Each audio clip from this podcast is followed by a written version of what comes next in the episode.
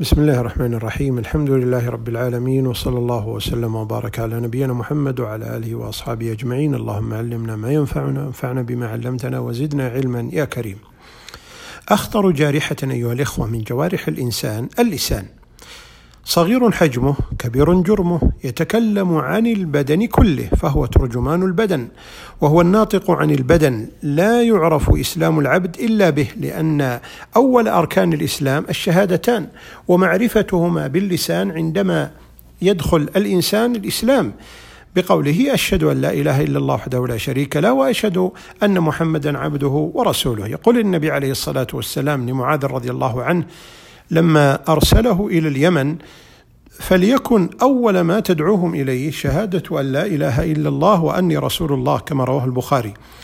ويقول أمرت أن أقاتل الناس حتى يشهدوا أن لا إله إلا الله وأن محمدا رسول الله كما رواه البخاري. وباللسان يضاعف الله جل وعلا الأجر اضعافا كثيرة. يقول النبي عليه الصلاة والسلام من دخل السوق فقال لا إله إلا الله وحده لا شريك له له الملك وله الحمد يحيي ويميت وهو حي لا يموت بيده الخير وهو على كل شيء قدير. كتب الله له ألف ألف حسنة ومحى عنه ألف ألف سيئة.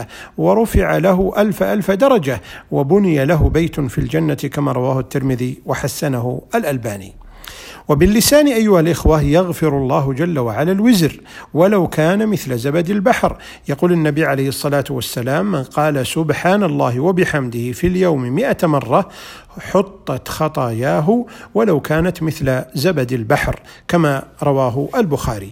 وباللسان يدخل العبد الجنة. يقول النبي عليه الصلاة والسلام ما من أحد يشهد أن لا إله إلا الله وأن محمدا رسول الله صدقا من قلبه إلا حرم الله على النار كما رواه البخاري. ويقول عليه الصلاة والسلام من يضمن لي ما بين لحييه وما بين رجليه أضمن له الجنة كما رواه البخاري.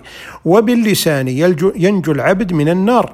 سمع النبي عليه الصلاة والسلام رجلا يقول أشهد أن لا إله إلا الله. قال النبي صلى الله عليه وسلم خرجت بها من النار كما رواه مسلم. وقال اتقوا النار ولو بشق تمرة فإن لم تجدوا فبكلمة طيبة كما رواه البخاري. وبالصيام أيها الإخوة يسلم اللسان من قول الزور ويسلم من العمل به ويسلم من اللغو ويسلم من الرفث ويسلم من اللعن ويسلم من الباطل ومن الكذب والافتراء والغيبة والنميمة والاستهزاء والسخرية ومن التكلم فيما لا يعنيه ومن القول على الله جل وعلا بغير علم. يقول النبي عليه الصلاة والسلام من لم يدع قول الزور والعمل به فليس لله حاجة في أن يدع طعامه وشرابه كما رواه البخاري. ويقول ليس الصيام من الأكل والشرب إنما الصيام من اللغو والرفث. فإن سابك أحد أو جهل عليك فقل إني صائم إني صائم كما رواه الحاكم في مستدركه في مستدركه. وبالقيام أيها الإخوة يسلم اللسان قيام الليل يسلم اللسان مما يضر ويشتغل بما ينفع لأنه ما بين قراءة قران وما بين ذكر ودعاء واستغفار وتضرع إلى الله تبارك وتعالى. ولسلامة اللسان ثمرات عديدة منها سلامة البدن.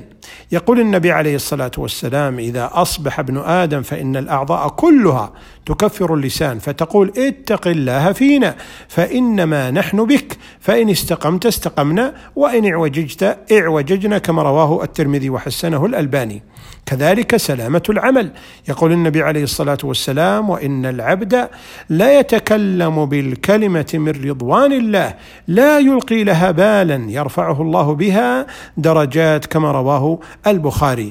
كذلك أيضا أيها الإخوة سلامة الدنيا. يقول النبي عليه الصلاة والسلام لعقبة بن عامر لما قال يا رسول الله ما النجاه قال أمسك عليك لسانك وليسعك بيتك وابك على خطيئتك كما رواه الترمذي وصححه الألباني. كذلك أيضا سلامة الآخرة. يقول النبي عليه الصلاة والسلام لمعاذ رضي الله عنه هل يكب الناس على مناخرهم في النار إلا حصائد ألسنتهم كما رواه الترمذي. ولما سئل عن اخوف ما يخاف على العبد فأخذ بلسان نفسه وقال هذا كما رواه الترمذي. كذلك أيضا أيها الإخوة تحقيق الإيمان. يقول النبي عليه الصلاة والسلام من كان يؤمن بالله واليوم الآخر فليقل خيرا أو ليصمت كما رواه البخاري. كذلك نيل الإسلام الحقيقي. والنبي عليه الصلاة والسلام قال المسلم يعني المسلم الحق من سلم المسلمون من لسانه ويده كما رواه البخاري. كذلك السلامة من الإفلاس فإن المفلس الحقيقي الذي يقذف ويشتم غيره ويسب هذا ويتكلم بلسانه على الآخرين وقد كسب الحسنات لكنه يأتي يوم القيامة وقد أفلس بسبب لسانه الذي أفنى حسناته والله المستعان. ولذلك الوصية أيها الإخوة أن نحفظ ألسنتنا وأن ما نتكلم به بهذه الألسنة وأن نشغل اللسان دائما وابدا بذكر الله جل وعلا وقراءة كتابه وكثرة الذكر له سبحانه وتعالى. والرجل الذي جاء للنبي عليه الصلاة والسلام وقال يا رسول الله أوصني قال لا يزال لسانك رطبا من ذكر الله. فلنحرص دائما وابدا أيها الإخوة على أننا نرطب ألسنتنا بذكر الله جل وعلا وشكره ونحفظ هذه الألسنة أنها تريد أن أنها توردنا موارد الهلاك والنار. ورب كلمة يقولها الإنسان من رضوان الله تبلغ بها درجات عالية في الجنة. ورب كلمة يقولها الإنسان من سخط الله تهوي به في النار سبعين خريفا والله المستعان. فلنحذر كل الحذر من هذه الألسنة.